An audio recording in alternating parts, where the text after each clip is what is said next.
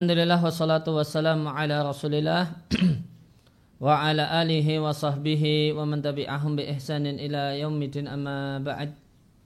Kaum muslimin dan muslimah rahimani wa rahimakumullah kembali kita lanjutkan kajian hadis-hadis Nabi sallallahu alaihi wasallam yang terdapat dalam uh, kitab Al-Arba'in An-Nawawiyah karya Abu Zakaria Yahya ibn Syarab An-Nawawi Ad-Dimashqi Asy-Syafi'i rahimallahu taala.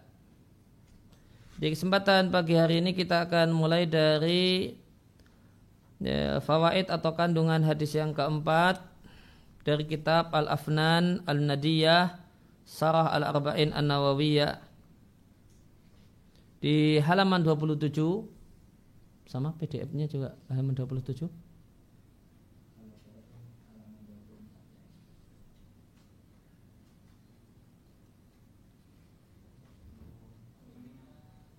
Oh, kalau di versi PDF di halaman 25 di fikih hadis disampaikan yang pertama mengimani kodok dan kodar baik yang baik ataupun yang jelek dari Allah Azza wa Jalla. Ya, karena di sini terdapat pencatatan takdir uh, yang disebut dengan takdir umri. Takdir untuk masing-masing orang.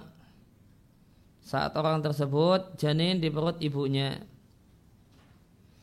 Kemudian yang kedua, motivasi untuk bersegera melakukan amal soleh, wal istimrar dan terus menerus melakukan amal soleh, wal mudawamah alaiha dan melanggengkan amal soleh.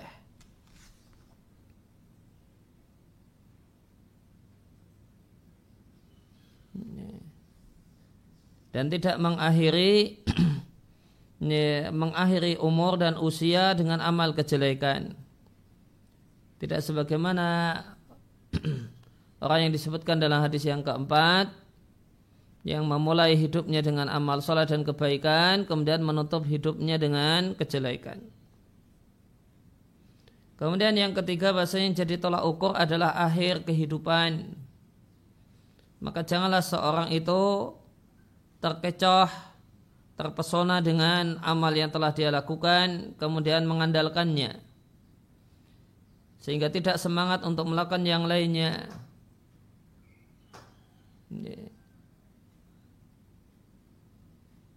Fal aqdaru ghalibah maka takdir Allah Subhanahu wa taala lah yang menang. Wal afiyatu ghaibah dan selamat dari kesesatan itu satu hal yang gaib yang tidak diketahui.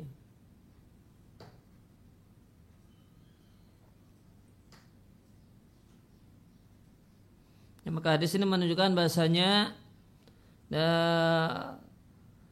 tolak ukur yang jadi tolak ukur adalah kondisi akhir. Ada orang yang awalnya baik, kemudian kondisi akhirnya jelek, ya, maka untuknya neraka. Sebaliknya orang yang awal kehidupannya jelek, kemudian akhir kehidupannya baik, untuknya surga Allah Subhanahu wa Ta'ala.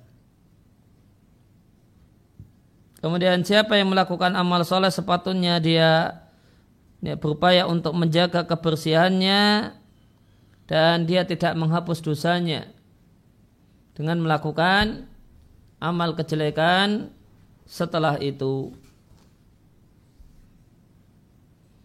Kemudian yang kelima adalah minta tolong kepada Allah Ta'ala dan memohon kepadanya agar diberi akhir yang baik. Dan ada rasa takut dan khawatir min su'il khatimah akhir yang jelek wal isti'adah dan minta tolong kepada dan minta perlindungan kepada Allah Subhanahu wa taala. Kemudian yang keenam bolehnya bersumpah ya, untuk satu berita yang benar dalam rangka menegaskan dan menguatkan jiwa orang yang mendengar. Walidhalika oleh karena itu Rasulullah sallallahu alaihi wasallam mengatakan fawalladhi nafsi biyadihi demi Allah zat yang jiwaku ada di tangannya.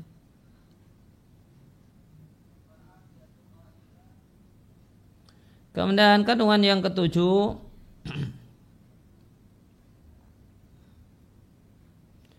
eh, dalam hadis ini terdapat tanbih isyarat bahwasanya ba'as bangkit kubur wal jaza dan balasan amal itu benar adanya bukanlah dusta sisi pendalilannya maka zat yang mampu untuk menciptakan manusia dari air yang hina yaitu air mani tentu mampu dan kuasa untuk mengembalikan nyawa kepada diri orang tersebut setelah diri orang tersebut menjadi tanah.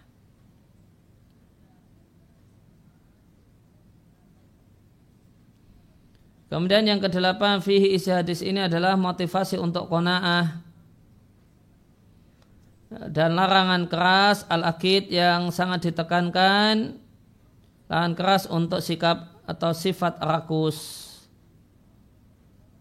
Li'anna rizqa sabaqa takdiruhu karena yang namanya rezeki itu telah lewat ini pentakdirannya falan falam yurni ata'anni fi talabihi. Maka bersusah payah mencarinya itu tidaklah bermanfaat untuk mengubah takdir. Namun ini bukan berarti meremehkan usaha dan kerja. Wa inama namun hanyalah disyariatkan dan dituntunkan al-iktisab bekerja karena bekerja itu adalah min jumlatil asbab di antara sebab yang menjadi tuntutan hikmah ilahi di di negeri dunia ini.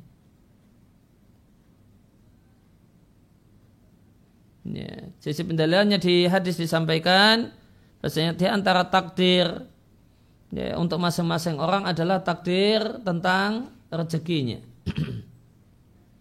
Kemudian yang kesembilan, tanbih mengisyaratkan tentang sempurnanya pengetahuan Allah Subhanahu wa taala. Dan bahasanya Allah mengetahui hal-hal yang detail sebagaimana dia Allah mengetahui hal-hal yang global, mengetahui apa yang telah terjadi dan yang akan terjadi sisi-sisi dalilannya karena hadis menegaskan bahasanya Allah memerintahkan untuk mencatat keadaan hamba secara rinci. Di antaranya adalah amal perbuatannya itu apa saja. Itu di antara yang ditakdirkan.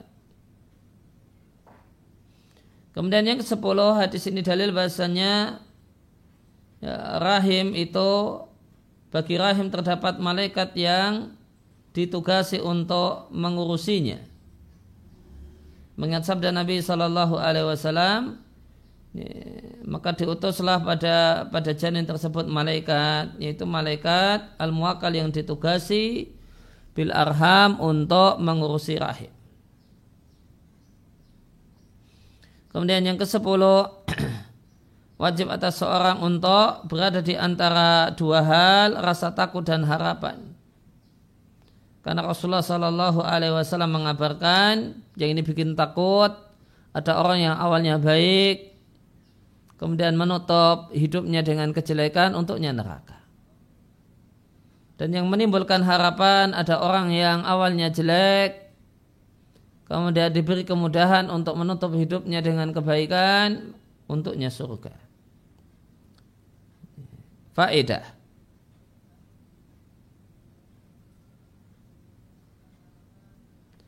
E, jika ada yang bertanya apa hikmah, kenapa Allah membiarkan orang yang melakukan amal penduduk surga sehingga tidak ada antara dia dengan surga kecuali satu hasta. Lantas catatan takdir itu mendahuluinya. Akhirnya dia fayamal. Kemudian dia beramal dengan amal penduduk neraka, lantas dia memasukinya. Kenapa dibiarkan? Dan tidak ditolong agar tidak menutup hidupnya dengan neraka. Maka jawabannya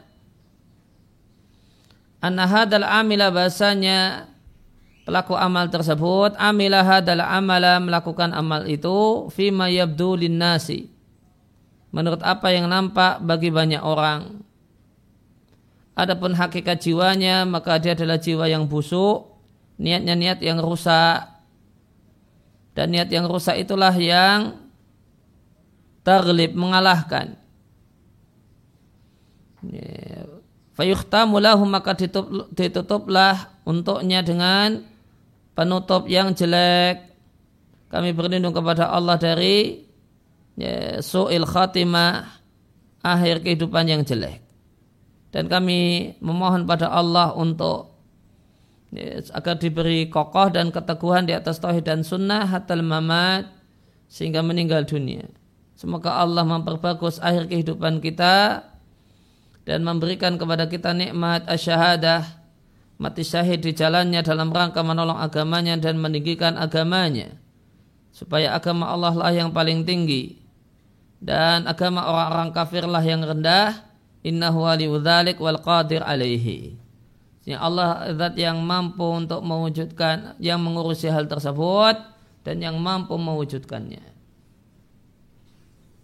Kemudian berkenaan dengan hadis yang keempat ada hal yang menarik eh, diksi yang Nabi gunakan dalam hadis ini inna ahadakum yujma'u. Sesungguhnya salah satu kalian itu dikumpulkan penciptaannya. Ini, mengapa digunakan kosakata dikumpulkan? Kenapa tidak langsung dikatakan diciptakan di perut ibunya namun ada kosakata dikumpulkan. Ini, faedah tentang hal ini kita jumpai di Sarasa Soleh Fauzan untuk Arba'in An-Nawawiyah Al-Minhah Arbaniyah fi Al-Arba'in An-Nawawiyah.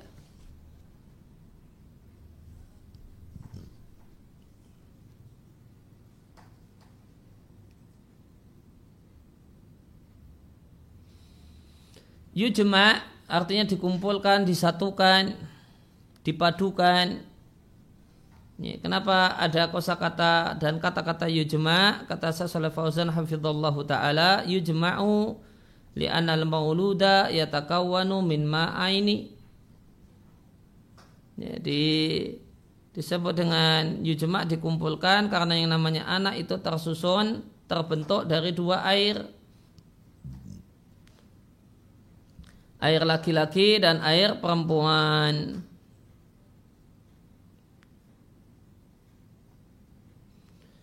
Fal mauludu yukhlaqu min ma'aini ma'ir rajuli wa ma'il mar'ati.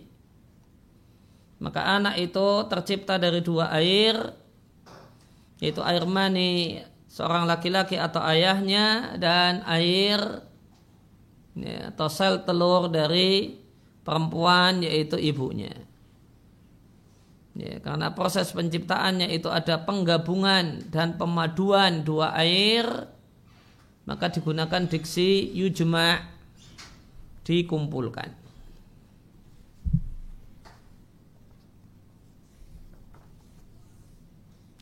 Kemudian kita lanjutkan dengan faedah hadis yang kelima. Masih dari Al-Afnan An-Nadiyah Syarah Al-Arba'in Nawawiyah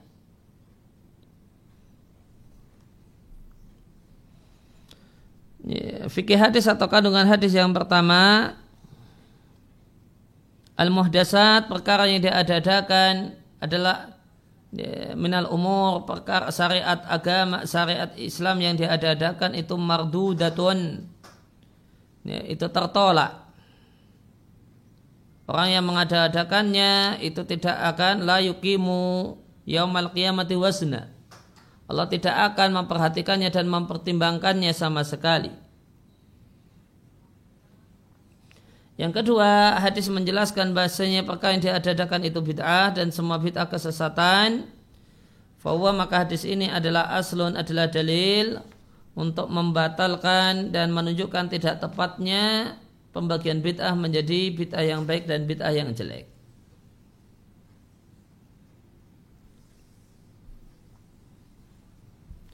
Dan man amila amalan laisa ali amruna Kemarin kita jelaskan bahasanya laisa ali amruna itu bukan hanya masalah ibadah namun juga masalah muamalah.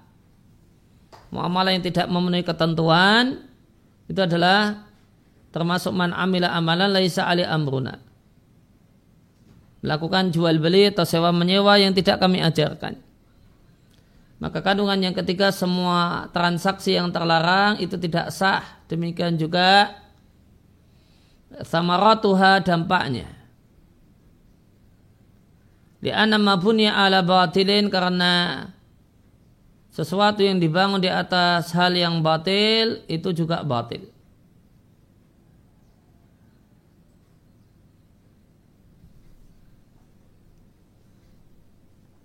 Dan di antara transaksi adalah transaksi untuk damai.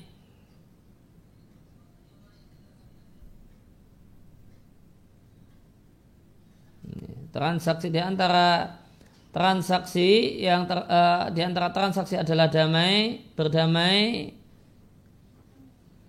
Wasulhu al-fasidu muntaqidun.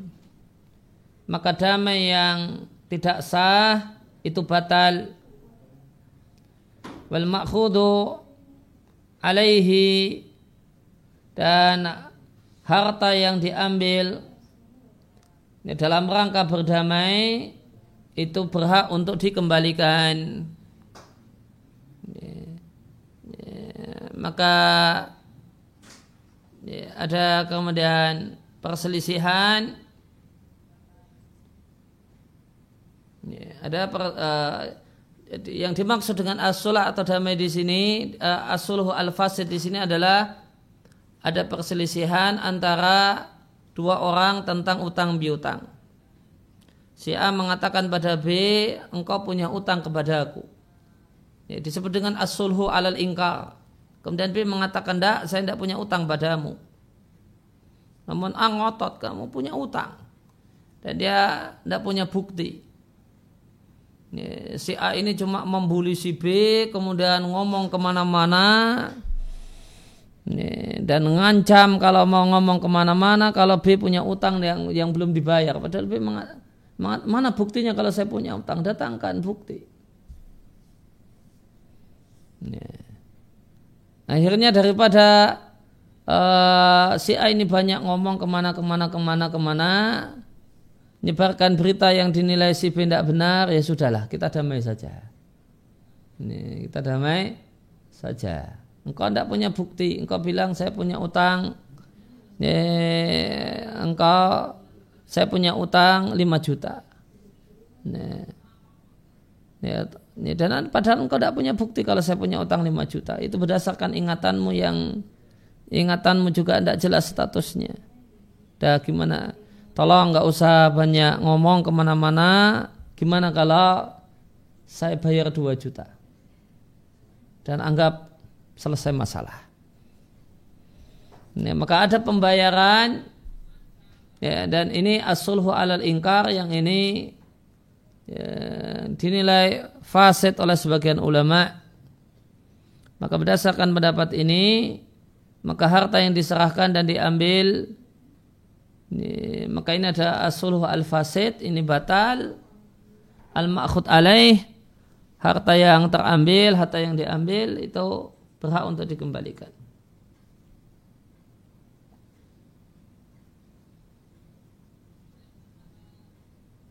Kemudian poin yang kelima, anggapan sejumlah orang bahasanya bid'ah itu definisinya adalah Alati dan yang tertolak adalah yang bertabrakan dengan kaidah agama yang menyelisihi li usulihi al-ammah. Ini kaidah-kaidah yang bersifat umum dan kaidah-kaidah yang bersifat global. Adapun perkara yang diadakan dalam agama alladhi yashhadu lahu aslun am yang didukung oleh kaidah umum atau dalil umum atau tercakup di dalam salah satu hukum Falaisa kadalik maka tidak demikian.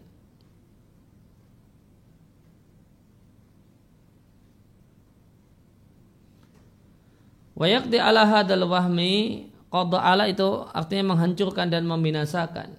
Dan yang menyanggah anggapan ini yang membatalkannya adalah hadis yang dikeluarkan oleh Abu Ya'la dalam musnadnya dan Abu Awana dalam mustakhadnya dengan sanad yang sahih man ahdasa fi amrina ma laysa fihi fawaraddun. Siapa yang ada-adakan dalam syariat kami ini malaisa fi sesuatu yang tidak ada di dalamnya maka dia tertolak. Sehingga jadilah hadis ini punya tiga versi redaksi. Yang tiga-tiganya itu sahih.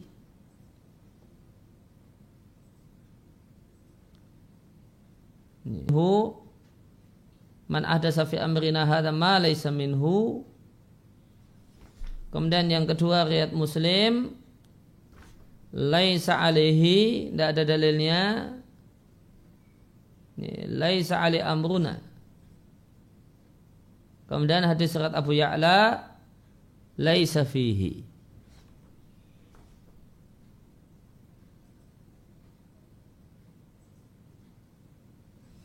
Nah, apa beda laisa minhu, laisa alaihi dan laisa fihi?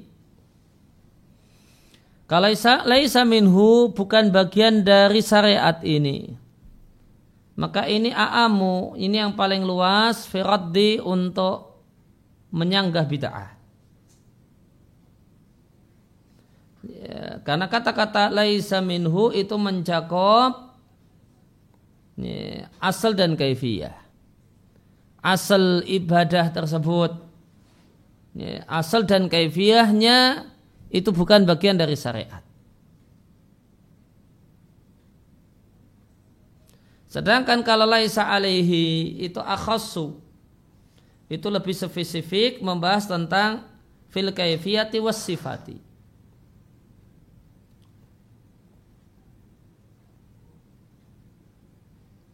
Tentang kaifiyah dan sifat ibadah yang tidak ada tuntunannya. Ini asalnya ya, ibadah A dan B-nya itu ibadah A yang e, ibadah A tersebut ada dalilnya, namun tata caranya tidak ada dalilnya. Itu maka terbantahkan dengan maka ini satu hal yang tidak dibenarkan menimbang laisa alaihi amruna. Kemudian laisa fihi Asali redaksi yang ketiga asrah lebih tegas fitafsil tentang rincian wa ta'sil dan tentang asalnya. Karena berdasarkan laisa fihi maka semua perkara yang bukan bagian dari agama baik secara asal sifat dan rincian semuanya tertolak. Nahika dan cukup bagi anda pemahaman salaf untuk hadis ini yang menunjukkan mereka mengingkari perkara yang diada-adakan baik ya, diada-adakan itu sejak asalnya atau asalnya ada dasarnya namun wasfan diberi kriteria dan sifat yang mengada-ada. Demikian juga tarkan. Ya, di ditinggalkanlah satu hal yang jadi kriterianya. Dengan anggapan bahasanya itulah yang ibadah yang lebih tepat. Wallahul mau'id. Allah lah yang ini,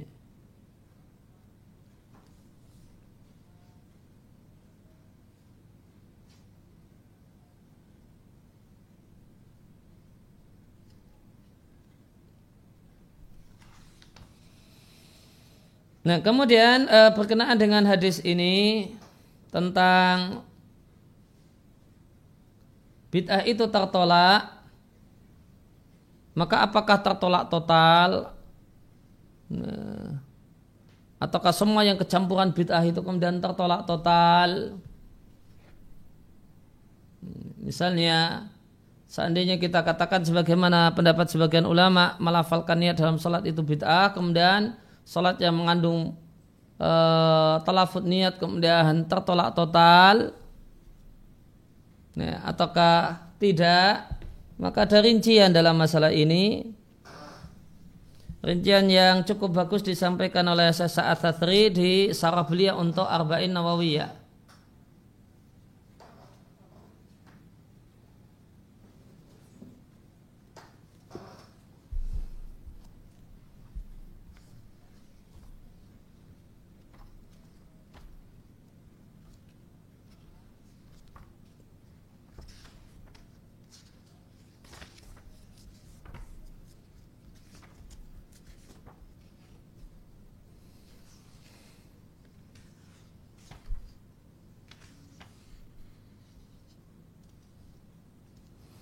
Ya, sesaat As-Sathri rahim uh, hafizallahu taala menyampaikan ketika membahas hadis yang kelima di Arba'in beliau katakan innal a'mala al-mubtada'ata ala anwa'in. Uh, amal bid'ah itu ada beberapa macam. Yang pertama maka mubtada'an fi aslihi. Memang utuh 100% itu mengada-ada.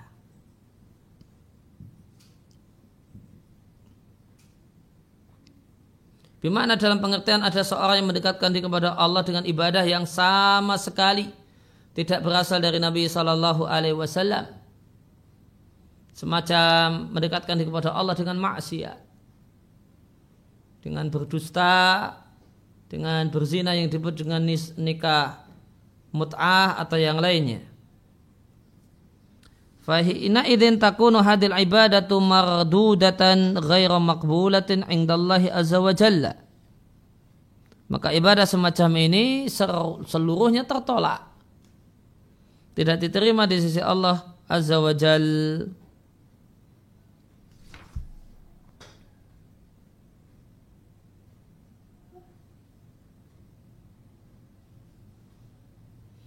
Kemudian jenis yang kedua atau macam yang kedua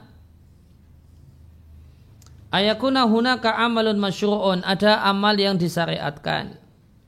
Masyru'un bi asli ada amal yang aslinya memang dituntunkan. Lakinnau yuzadu fihi ziyadatan mubtada'atan. Namun ditambahkan padanya tambahan yang yang bid'ah Fahina idin takuna aziyadatu bid'atan mardudatan. Maka ya, tambahannya itulah yang merupakan bid'ah yang tertolak. Nah, maka tambahannya jelas tertolak. Nah, apakah tambahan yang tertolak itu bikin dan membuat seluruh amal tertolak ataukah tidak? Maka dirinci. Wa amma aslul amali. Adapun amal yang ketempelan tambahan ini ya, amal yang ketempelan unsur tambahan ini apakah juga ikut tertolak ataukah tidak? Faina yakuna ala ini ada dua macam. Yang pertama ayakun al amalu bimathabatil wahdah al wahidah Jika tambahan dengan amal yang asli itu menyatu menjadi sebuah satu kesatuan yang bulat. Tidak ya, mungkin cuma kita katakan tambahannya saja yang tertolak. Karena ini telah menyatu. Menjadi sebuah satu kesatuan yang bulat. Faziyadatu tubtiluhu. Maka tambahan yang bid'ah itu merusak juga ya, amal masro yang ditempeli. Amal yang masro yang ditempeli. Semacam siapa yang menambah dalam sholat duhur menjadi rokaat kelima. Sholat duhur dengan rokaat kelima dan dia dilakukan dengan sadar bukan karena lupa. Bahkan dengan anggapan bahasanya itu yang lebih afdol. Yang terbaik itu sholat duhur itu lima rokaat, jangan hanya empat rokaat. Maka tambahan yang bid'ah ini menyebabkan terhapusnya amal karena dia menyebabkan ucapan salam itu diakhirkan dari tempatnya dan menyebabkan seorang itu melakukan berbagai macam aktivitas yang banyak dalam sholatnya. Kemudian yang kedua,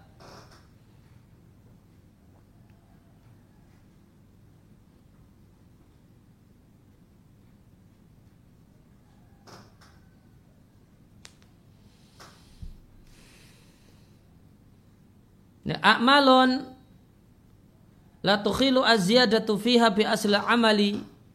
Tambahan yang bid'ah itu tidaklah merusak amal masuk yang ditempeli. Contohnya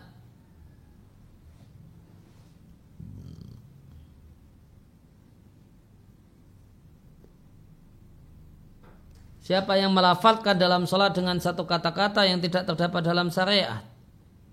yaitu melafalkan niat sebagaimana pendapat sebagian ulama maka lafat niat ini adalah bid'ah namun tidak memberikan pengaruh pada keabsahan salat karena tambahan tersebut tidaklah memberikan efek dan pengaruh pada amal yang disyariatkan yang dia yang ditempeli. Nah, maka ini yang cuma bid'ahnya saja, tambahan bid'ahnya saja yang tertolak. Adapun amal masrok yang ditempeli itu tidak tertolak.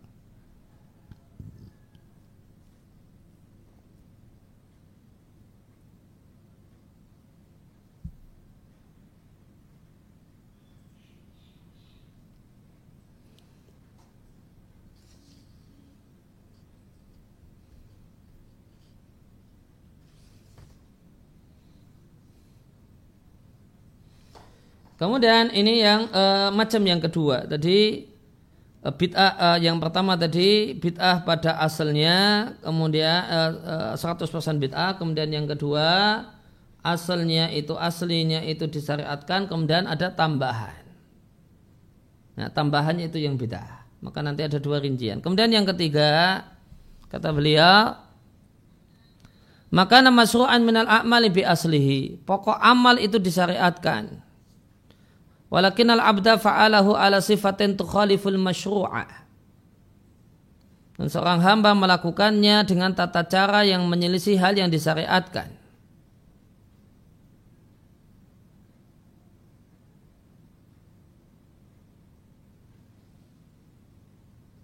Dan ini menyebabkan bahasanya kita katakan amal tersebut bid'ah dan tidak diterima di sisi Allah Azza wa Jalla. Beliau contohkan Siapa yang mau mendekatkan diri kepada Allah dengan puasa namun dia jadikan pengertian puasa itu menahan diri dari berbicara.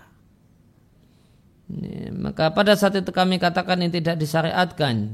Itu ada puasa yang tidak diterima dan puasa yang tertolak. Dalilnya terdapat dalam hadis Nabi melihat seorang yang hanya berdiri di di bawah terik sinar matahari lantas disampaikan Ya, nah kemudian Nabi tanya tentang orang tersebut dan disampaikan dia bernadar untuk berdiri dan tidak duduk, ya, berjemur di terik sinar matahari dan tidak bernaung, dan berpuasa dalam artian tidak makan dan minum. Maka Nabi perintahkan untuk duduk karena berdiri bukanlah ibadah yang disyariatkan. Nabi perintahkan untuk bernaung karena duduk di bawah terik sinar matahari bukanlah ibadah yang disyariatkan. Dan Nabi perintahkan untuk puasa dalam artian tidak makan dan minum, Nabi perintahkan untuk dilanjutkan. Nah ini ya, pokoknya disyariatkan, kemudian yang bermasalah tata cara. Ini tentu beda dengan yang kedua. Kalau yang kedua eh, pokoknya disyariatkan kemudian ditambahi, ditambahi gerakan.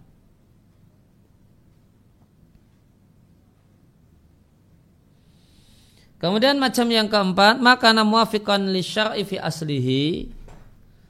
Pokok amal itu mencocoki syariat. Demikian juga tata caranya. Tidak sebagaimana macam yang ketiga, tata caranya tidak benar. Kalau ini tata caranya benar. Namun ya, menyelisih syariat dalam masalah bilangannya, Contohnya orang yang membayar kafarah sumpah yang harusnya ngasih makan eh, dia eh, ngasih makan 11 orang miskin dengan niat semuanya kafarah. Padahal ketentuannya hanya 10 saja.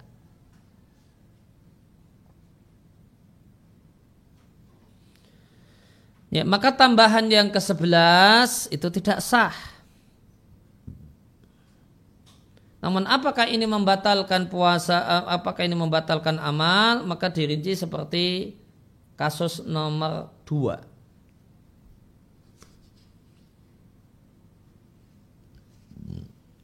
Sehingga jika amal tersebut berhubungan erat, tambahan itu membatalkannya semacam rakaat kelima dalam sholat duhur. Jika bukan tambahan yang erat, maka pokok maka pokok perbuatan itu sah Contohnya di sini ita'am. Sepuluh orang miskinnya sah. Ya, sebelasnya yang tidak sah. Ya. Maka poin yang keempat ini mirip-mirip dengan poin yang ke kedua.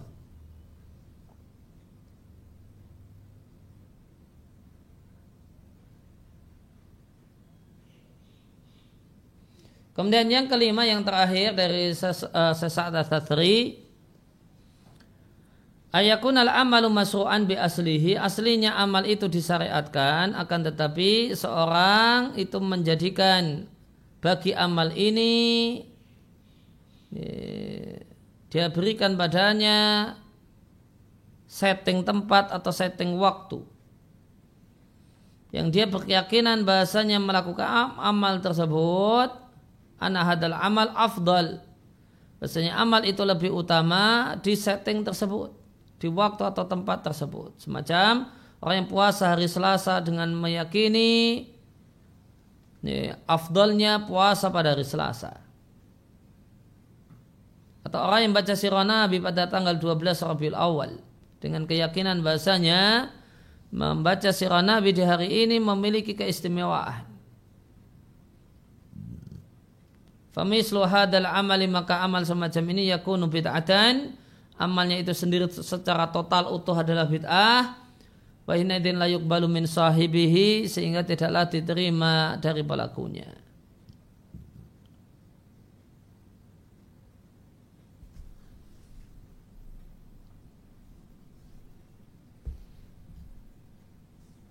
Itu uh, keterangan tambahan untuk hadis yang kelima.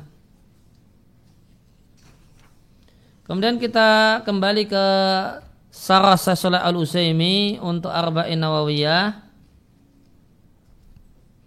Kita masuk hadis yang keenam. Qala al-musannifu rahimallahu ta'ala. Al-hadis asadis. Hadis yang keenam dari Abu Abdullah An-Nu'man ibn Bashir radhiallahu anhuma. Beliau mendengar Rasulullah sallallahu alaihi wasallam bersabda, sesungguhnya halal itu sudah jelas, haram itu sudah jelas dan di antara keduanya adalah perkara ada perkara yang tidak jelas yang tidak diketahui oleh banyak orang. Maka siapa yang menjaga diri dari hal-hal yang tidak jelas maka dia telah membersihkan agamanya dan nama baiknya atau kehormatannya. Dan barang siapa yang terjumus dalam subhat maka dia terjumus dalam hal yang haram.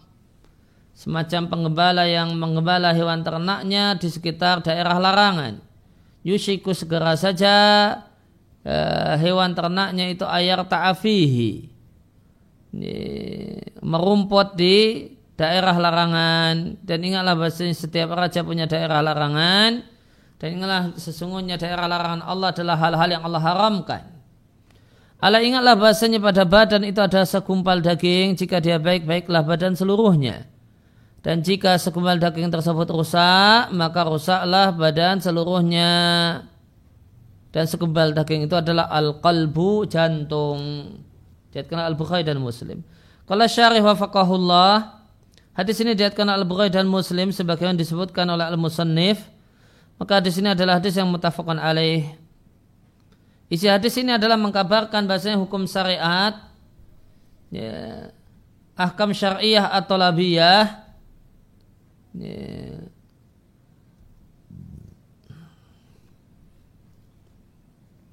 Hukum syariat tolabi kebalikan dari hukum syariat al-khobari yaitu akidah. Ya, kam syariah atau labiyah artinya hukum fikih halal haram. Dilihat dari sisi kualitas kejelasannya ada dua macam. Yang pertama bayinun jaliyun jelas dan jelas maka halal jelas haram jelas semacam halalnya daging binatang ternak dan haramnya zina. Macam yang kedua mustabihun samar mutasyabihun tidak jelas. Wal mutasyabih fil ahkam syar'iyyah atau labiyah dan yang tidak jelas dalam hukum syariat tolabi adalah malam yattadih maknahu yang tidak jelas maknanya tidak jelas dalalatuhu kandungannya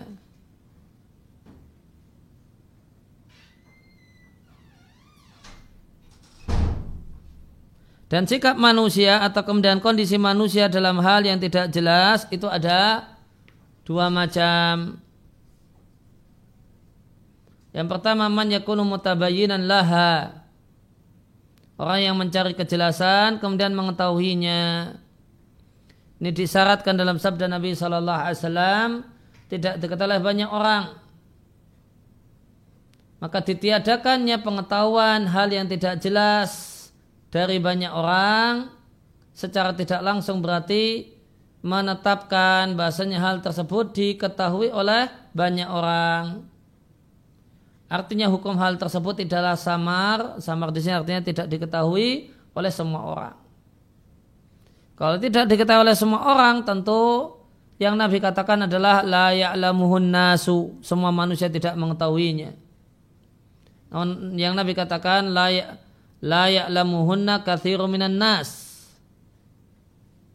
Artinya di tengah-tengah manusia ada yang mengetahui dan ada yang tidak mengetahui.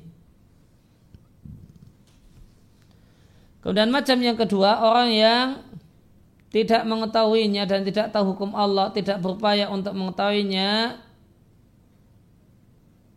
atau tidak mengetahuinya dan tidak mengetahui hukum Allah padanya, mereka ini terbagi menjadi dua macam. Orang yang menjaga diri dari hal-hal yang subhat dan meninggalkannya. Orang yang terjatuh padanya. Warate. Dan orang yang merumput fi janbatiha pada di daerah tersebut atau di sampingnya di samping hal yang subuhat Dan kewajiban seorang hamba jika dia tidak mengetahui hukum syar'i tolabi yang tidak jelas adalah menjaga diri dan menjauhinya.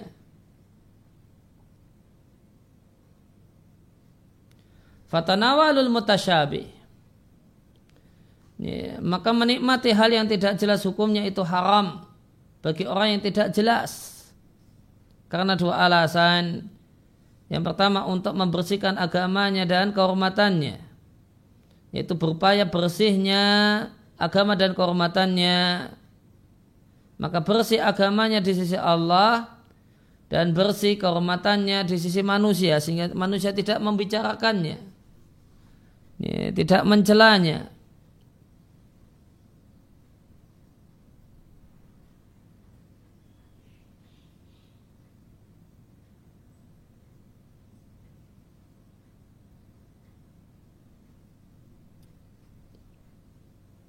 Kemudian yang kedua, anaman waqa'a fi subahati Siapa yang terjatuh dalam hal yang subahat, maka hal yang subhat tersebut akan menyeret kepada hal yang haram. Karena hal yang subhat itu adalah kontoratul muharamat. Ini adalah jembatan menuju hal yang haram. Kontor artinya jisr jembatan yang mengantarkan pada hal yang haram. Dan Nabi Shallallahu Alaihi Wasallam membuat permisalan dengan seorang pengembala yang mengembalakan hewan ternaknya di sekitar daerah yang uh, terlarang. Ya, yang dimaksud hima adalah mayamnahu al muluku minal ardi tanah yang dilarang oleh oleh raja boleh jadi untuk kepentingan pribadi atau untuk kepentingan umum. Ya, kalau itu untuk kepentingan pribadi, ya, maka tindakan sang raja ini adalah kezaliman yang tidak dibenarkan. Kalau untuk kepentingan umum diperbolehkan. Maka raja atau penguasa bikin aturan padang gembalaan di, di sini tidak boleh. Tidak boleh ada orang yang membalakan kambing sapi di daerah ini karena ini khusus untuk mbak uh, hewan zakat. Jadi untuk kepentingan umum, untuk kepentingan umum yaitu uh, harta zakat yang diterima oleh negara berupa kambing, sapi, nah itu digembalakan di situ. Maka ini satu hal yang dibenarkan. Maka jika seorang itu membalakan hewan gembalaannya di sekitar daerah larangan, segera saja ya, binatang ternaknya masuk pada daerah larangan. Fayukhad bidalika dia kemudian ditangkap karenanya dan dihukum karenanya. Ya, maka siapa yang berputar-putar haula subhat di sekitar hal uh, hal-hal yang subhat dan merumput padanya fa'innaha maka hal yang subhat tersebut akan mengantarkannya untuk jatuh dalam hal yang haram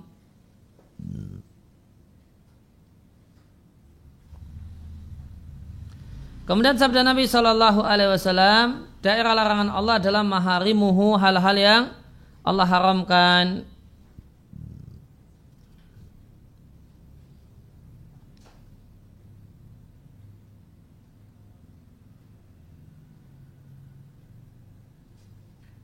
Artinya ya, ya, apa yang Allah larang, yang Allah larang kepada makhluk adalah apa yang Allah haramkan atas mereka. Fayahududullah maka itulah batasan-batasan Allah yang Allah larang orang untuk mendekatinya. Allah Ta'ala berfirman tilka hududullah fala. Itulah batasan-batasan Allah, janganlah kalian mendekatinya. Faman tajara'a maka siapa yang lancang untuk melakukan hal-hal yang berani tajara'a siapa yang berani ala subhat melakukan hal-hal yang subhat segera saja dia akan berani melakukan hal yang haram. Maka di antara hal yang menggelincirkan telapak kaki dan menyesatkan banyak orang di zaman ini adalah bermudah-mudah melakukan hal yang subhat dengan klaim tidak ada ketegasan kalau itu haram maka tidak tegas kalau itu haram dijadikan sebagai jalan untuk masuk padanya. Dan ini tindakan yang menyelisih perintah syariat. Maka perintah syariat bagi orang yang tidaklah mengetahui hukum perkara yang tidak jelas adalah menjauhinya dan menjaga diri jarinya. Dan haram baginya untuk mengkonsumsinya. Kemudian Nabi sampaikan di, di badan itu ada segumpal daging al-hadisa dan seterusnya hadis. Visi hadis ini adalah penjelasan betapa besarnya pengaruh hati untuk baik dan rusaknya anggota badan. Maka siapa yang baik hatinya, maka baiklah anggota badannya. Dan siapa yang rusak hatinya, rusaklah anggota badannya.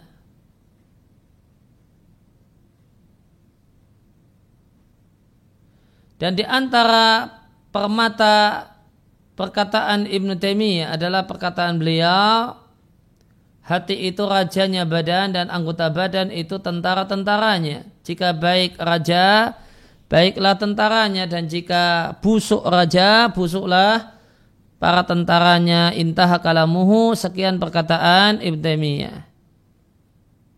Non perlu diketahui bahasa Ibn Taimiyah di kitabnya Al-Iman Al-Kabir menyampaikan bahasanya ungkapan hati itu raja Kemudian anggota badan itu tentara, itu adalah perkataan sahabat Nabi Abu Hurairah radhiallahu anhu.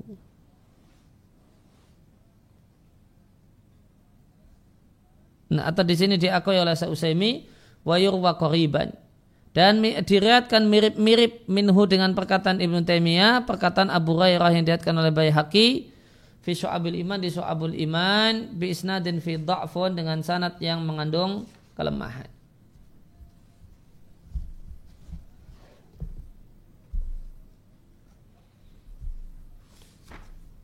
Kandungan hadis di Afnan An-Nadiyah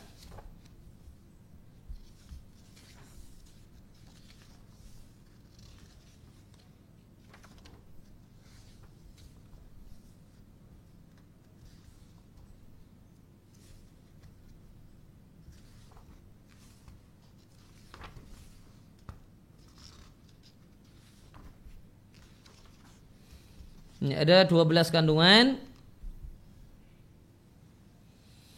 Yang pertama sungguh Allah telah menurunkan ham, kepada hambanya kitab suci.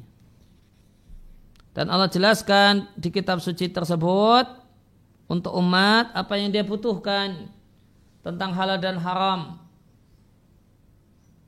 Dan Allah serahkan penjelasan hal yang tidak jelas dari tanzil dari Al-Quran pada sang Rasul Sallallahu Alaihi Wasallam maka wallahi demi Allah tidaklah Rasulullah sallallahu alaihi wasallam wafat sampai Rasul tinggalkan jalan ya, yaitu agama ini nahjan sebagai jalan wadihan yang jelas.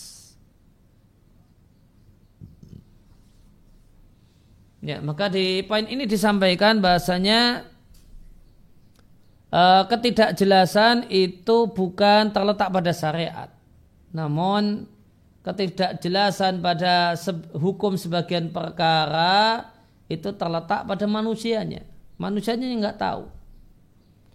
Kalau dari sudut pandang syariat semuanya sudah dijelaskan. Jelas, tidak ada yang samar. Tidaklah Rasul tinggalkan kita kecuali dalam keadaan telah ditinggalkan Islam itu terang benderang. Lailuha kan nahariha. Malamnya seperti siangnya.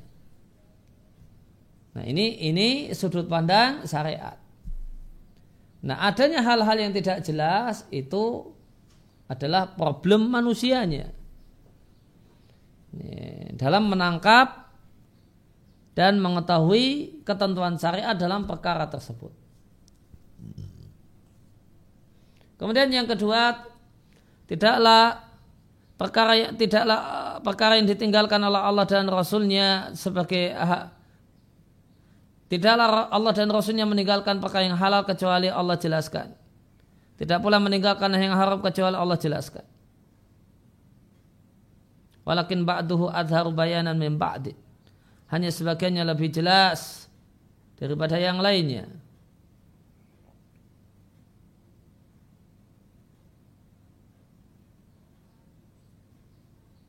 Maka sesuatu yang zahar bayanuhu telah jelas penjelasannya dan telah populer dan diketahui hukumnya. Lam jabaqali ahadin udrun maka tidaklah tersisa bagi siapa pun udur ya, untuk tidak mengetahuinya fi baladin di satu negeri manakala yadharu fi hal Islam Islam itu demikian ya, jelas dan dominan di negeri tersebut. Maka di sini disampaikan bahasanya kejelasan status hukum itu bertingkat-tingkat. Dan satu hukum yang demikian jelas di satu masyarakat, di satu negeri, ya, maka adanya orang yang tidak tahu di negeri tersebut, itu tidaklah dimaklumi. Kemudian yang ketiga ada kedudukan antara halal dan haram. Ikhtalata bercampur padanya dua perkara ini. Dan ini adalah menurut kondisi manusia. Siapa yang menjaga diri darinya, fakat naja maka sungguh dia telah selamat.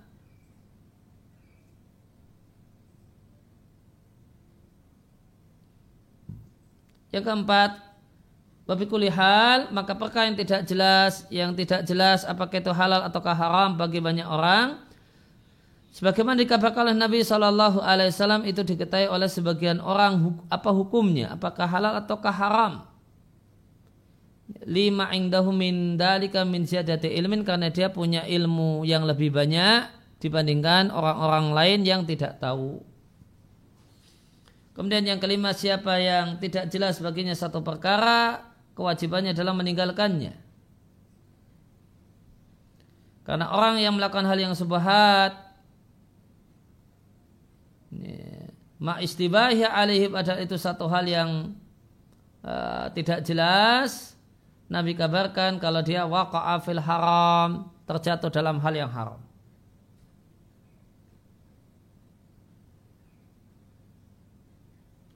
Kemudian yang keenam faktor pendorong untuk faktor pendorong dibalik bersihnya agama dan kehormatan atau terjumus dalam hal yang subhat adalah baiknya gerak hati ataukah rusaknya uh, baiknya aktivitas hati ataukah rusaknya. Maka jika baik gerak dan aktivitas hati maka akan baiklah gerak anggota badan. Maka seorang hamba akan menjadi hal-hal yang haram menjaga diri dari hal-hal yang subhat dan sebaliknya sebaliknya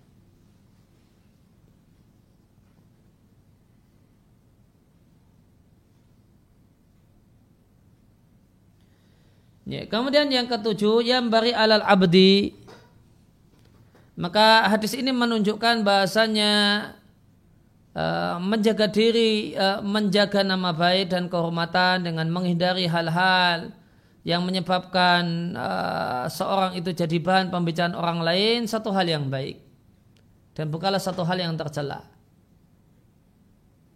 Maka dipujilah orang yang meninggalkan hal yang subhat supaya dia tidak menjadi sasaran omongan banyak orang dan terjagalah nama baik dan kehormatannya. Oleh karena itu di poin yang ketujuh, sepatutnya atas seorang hamba untuk menjaga perkara agamanya. Eh, ala umuri dinihi menjaga perkara agamanya dan memperhatikan muruah nama baiknya dan menjauhi hal-hal yang merusak nama baiknya.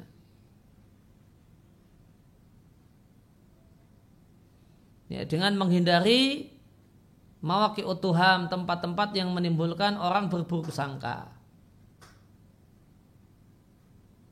Sebagaimana ungkapan yang mengatakan mandakhala madakhila su'i utuhima.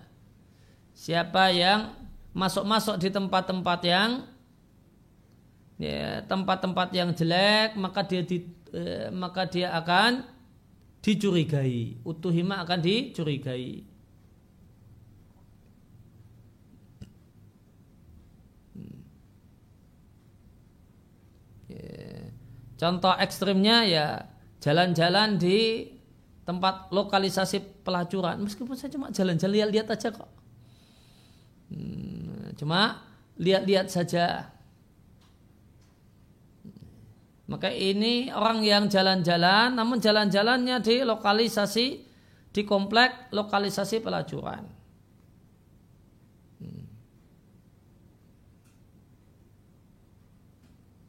Ya, maka itu termasuk dalam ungkapan Man dakhala madakhila su'i utuhima. Siapa yang masuk-masuk dan berada di tempat-tempat yang jelek, maka dia dicurigai.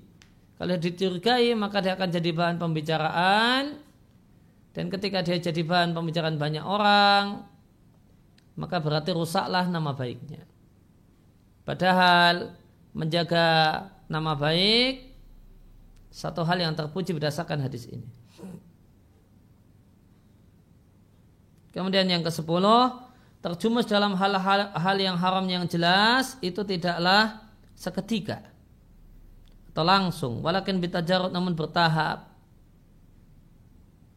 Maka siapa yang memperbanyak hal yang makruh dan hal yang tidak jelas kehalalannya syarat fihi maka ada pada dirinya keberanian untuk melakukan hal yang terlarang fil jumlah secara global. Wa yutminu alihi kemudian dia uh, dia gemar dengan hal tersebut. Kemudian yang kesembilan jika engkau durhaka pada Allah maka jangan lihatlah kecilnya maksiat. Non lihatlah betapa agungnya zat yang engkau durhakai. Dan lihatlah kecemburuan zat tersebut dikarenakan hal-hal yang diharamkan itu dirobek dan dilanggar. Kemudian yang ke sepuluh adalah sepatutnya seorang hamba menjaga agamanya dengan dia tinggalkan hal-hal yang tidak mengapa. Hadaran karena takut karena khawatir mimma bibakson hal-hal yang mengapa. Yang diambil dari kata-kata fakat istabur ali dinihi. Maka dia bersihkan agamanya. Maka hal-hal yang mendukung bersihnya agama itu satu hal yang terpuji. Dan di antara hal yang mendukung untuk bersihnya agama adalah ya, meninggalkan hal-hal yang tidak mengapa karena khawatir dengan hal-hal yang mengapa.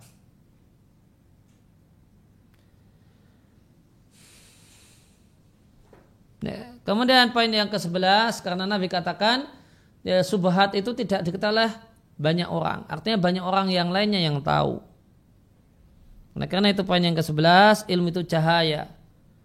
Dengan cahaya ilmu seorang hamba bisa melihat realita berbagai hal yang tidak diketahui oleh banyak orang.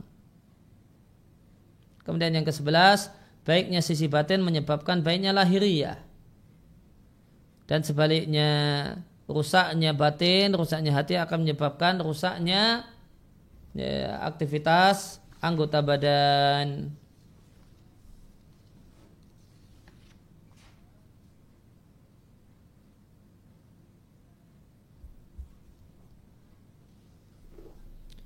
Uh, kemudian ada faedah yang ingin saya bacakan untuk hadis ini.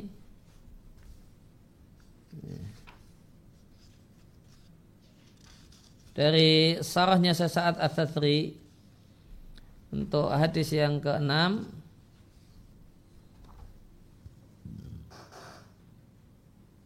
Ya, berkenaan dengan fakat istabra ali dinihi wa irdihi. Dia telah menjaga kehormatannya, nama baiknya. Menjaga baik citra dirinya. Maka kata sesaat Athathri Hafizullah Ta'ala wa faqahu fihi masu'iyatu bil insan lil a'mal lati qad tu'addi ila ta'ni fihi awil kalami fi irdihi dalam hadis ini disyariatkannya seorang itu menjauhi berbagai macam perbuatan yang menyebabkan dia dicela dan dibicarakanlah kehormatannya. Mengingat sabda Nabi Shallallahu Alaihi Wasallam, sungguh dia telah membersihkan kehormatannya. Wa waqa al-mar'u bi irdahu dan semua hal yang dengannya seorang itu menjaga kehormatannya dan nama baiknya fa inna yu'addu sadaqatan wa amalan salihah maka itu terhitung sebagai sedekah dan amal saleh. Dan kandungan yang lain untuk fakat istabra'a li ardihi. Fihi maka isi kandungan kalimat ini, ini antusias. Hendaknya seorang itu antusias agar orang lain tidak membicarakannya. Nah antusias agar orang lain tidak membicarakan dirinya dengan suara-suara sumbang dan hal-hal yang jelek la yu'addu minal umuril madmumah bukanlah tergolong hal yang tercela. Jadi punya keinginan agar orang tidak membicarakannya di belakang dengan pembicaraan yang buruk itu bukan satu hal yang tercela. Tidak teranggap riak bukan pula sum'ah. keinginan kuat ya, supaya orang tidak membicarakan aibnya, kejelekannya. Ya, ini tidak tergolong riak bukan pula sum'ah. Wa inna huwa minal istibra'i lil irdi. Namun itu bagian dari mengamalkan hadis fakat istibra'a li dinihi wa irdihi. Oleh karena terdapat dalam hadis Nabi Shallallahu Alaihi Wasallam tatkala kembali bersama Sofia istrinya kemudian uh, dilihat oleh dua orang ansar kemudian keduanya mempercepat langkah maka Nabi Shallallahu Alaihi Wasallam mengatakan pelan saja jalannya. Perempuan yang bersamaku adalah Sofia istriku. Min ajli dalam rangka Nabi tidak ingin membuka ruang bagi setan untuk memasukkan was-was di dalam hati kedua uh, sahabat ansar tersebut. Akhirnya keduanya ngomong-ngomong di belakang berbeda dengan realita sesungguhnya. Kemudian tadi di hadis yang kelima ini dijelaskan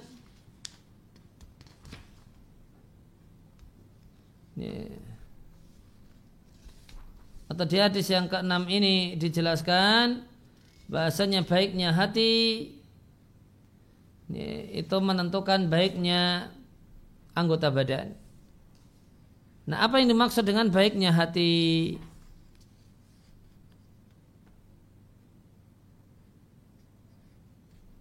Maka saya, uh, saya saat Satri mengatakan Wakat ukhtulifa fil muradi bisolahil qalbi.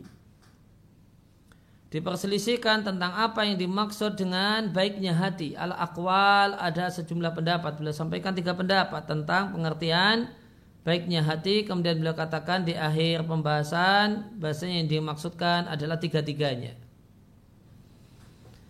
Maka baiknya hati itu mencakup tiga hal. Yang pertama yang dimaksudkan dengan baiknya hati adalah adanya rasa takut kepada Allah di hati seorang hamba. La tasluhu al qulubu ila idza istaqara fiha makhafatullahi wa khasyatuhu. Karena tidak akan baik hati kecuali jika terpatri pada hati tersebut rasa takut kepada Allah dan khasyah dan rasa takut kepadanya dan takut kepada hukuman dan seksaannya.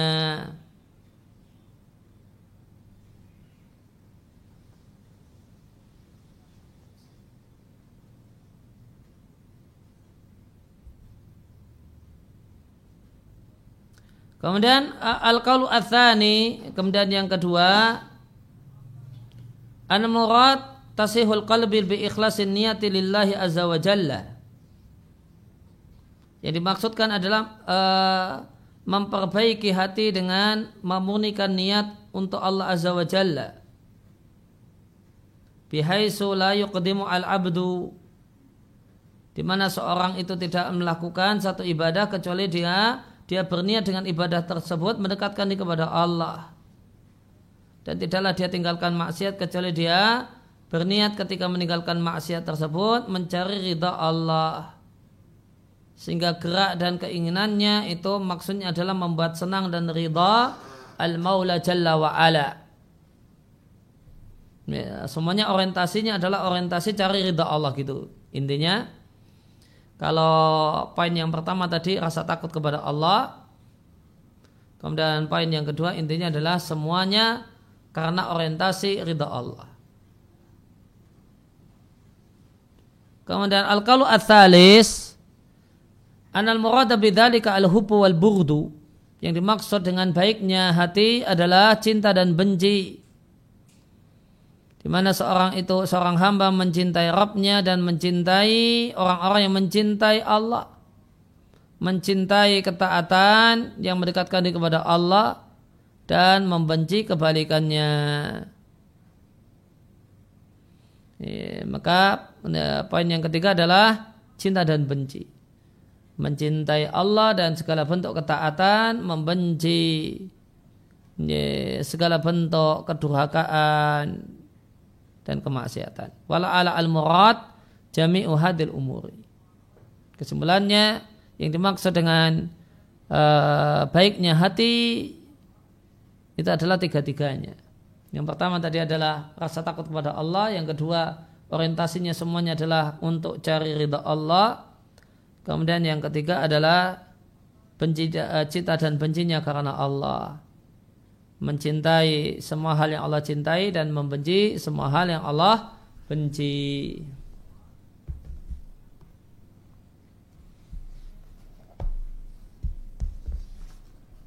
Kemudian hadis yang ketujuh dari Abu Ruqayyah Tamim ibn Aus Adari radhiallahu anhu Nabi sallallahu alaihi wasallam bersabda agama itu adalah an-nasihah. Ini kulna kami tanyakan ditujukan kepada siapa? Maka Nabi katakan ditujukan pada Allah, kitabnya, rasulnya, pemimpin kaum muslimin dan amatihim umumnya kaum muslimin. Kalau syari wafaqallah Hadis ini hanya dihatkan oleh Muslim saja, tidak dihatkan oleh Bukhari, maka ini adalah min afradihi alaihi. Hadis-hadis yang hanya dihatkan oleh Muslim alaihi tanpa Bukhari. Sabda Nabi ad-dinu an-nasiha artinya agama seluruhnya adalah nasihat. Hakikat nasihat menurut pengertian syariat seorang itu menunaikan hak orang lain.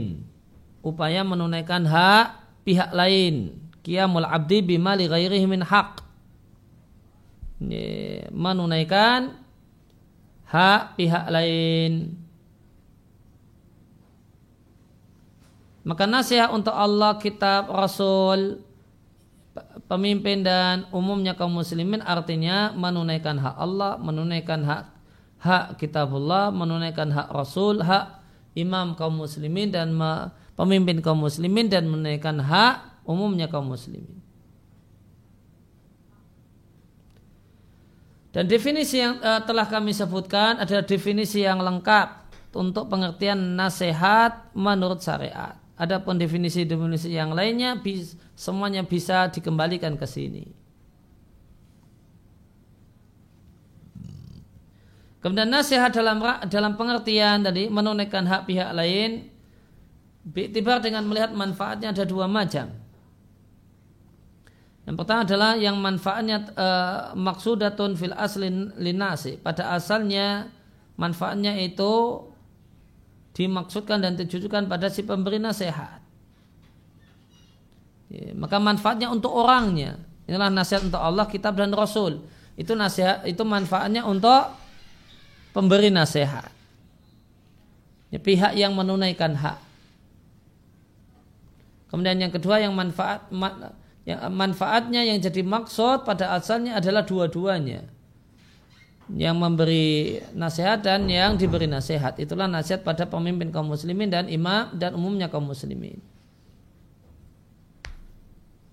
Maka yang mendapatkan manfaat e, min badil nasihat dengan memberikan nasihat yaitu menunaikan hak kalau di golongan yang pertama yaitu jadi ahaduma ma manfaatu maksudatun fil asli nasih. Maka yang mendapatkan manfaat adalah an-nasih. Sedangkan mendapatkan manfaat dengan pemberian nasihat di kategori yang kedua adalah yang memberikan nasihat dan yang diberi nasihat ma'an dua-duanya sekaligus.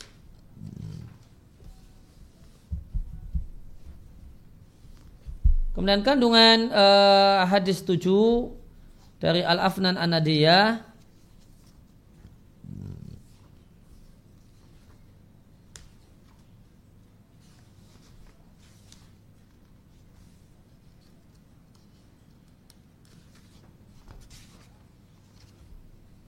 Ini ada delapan kandungan. Yang pertama, agama ini di, uh, ter, dibatasi dengan dengan nasihat.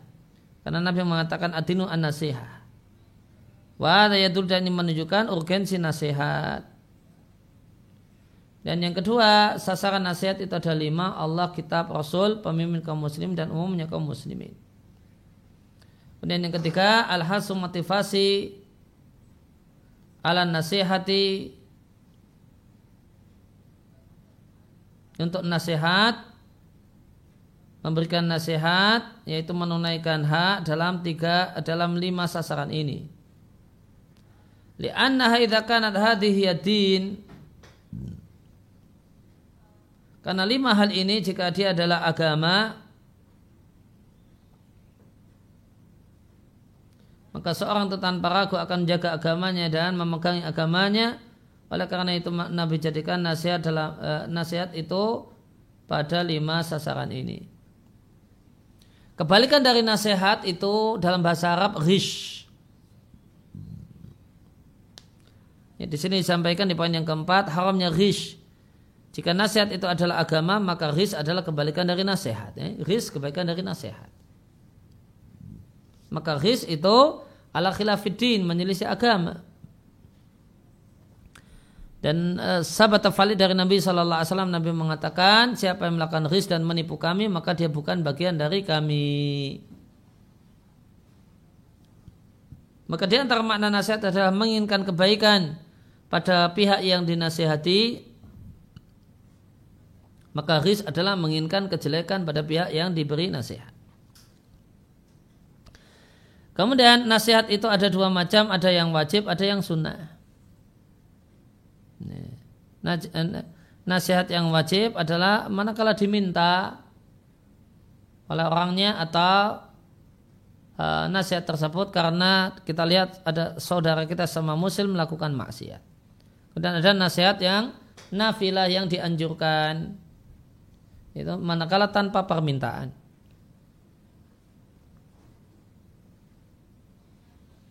Kemudian bukalah syarat memberi nasihat syarat nasihat supaya sehingga seorang itu mau memberi nasihat tidak disyaratkan nasihat itu harus diterima oleh orang yang diberi nasihat.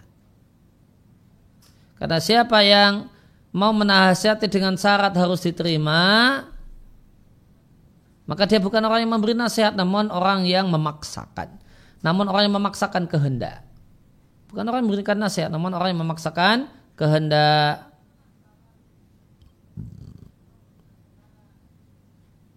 Dan di antara bentuk nasihat yang paling penting adalah adalah memberikan nasihat kepada orang yang minta saran untuk urusannya. Nabi Shallallahu Alaihi Wasallam menyampaikan, jika salah satu kalian minta saran pada saudaranya, maka adalah saudaranya memberikan nasihat dan saran. Ya, dikeluarkan oleh muslim yang terakhir wajib atas seorang muslim uh, menginginkan yang terbaik untuk kafir dhimmi. Wa alaihi dan kewajibannya juga kewajiban kafir dhimmi menginginkan yang terbaik untuk muslim. Demikian perkataan Imam Ahmad dalilnya hadis wa nusi likuli muslim dan memberikan nasihat untuk setiap muslim yaitu menginginkan yang terbaik untuk setiap muslim dan termasuk dalam hal ini kafir dhimmi mutafaqun alaih diatkan oleh Bukhari dan Muslim. Nah, demikian wasallallahu ala nabiyina Muhammadin wa ala alihi wasallam. Ya.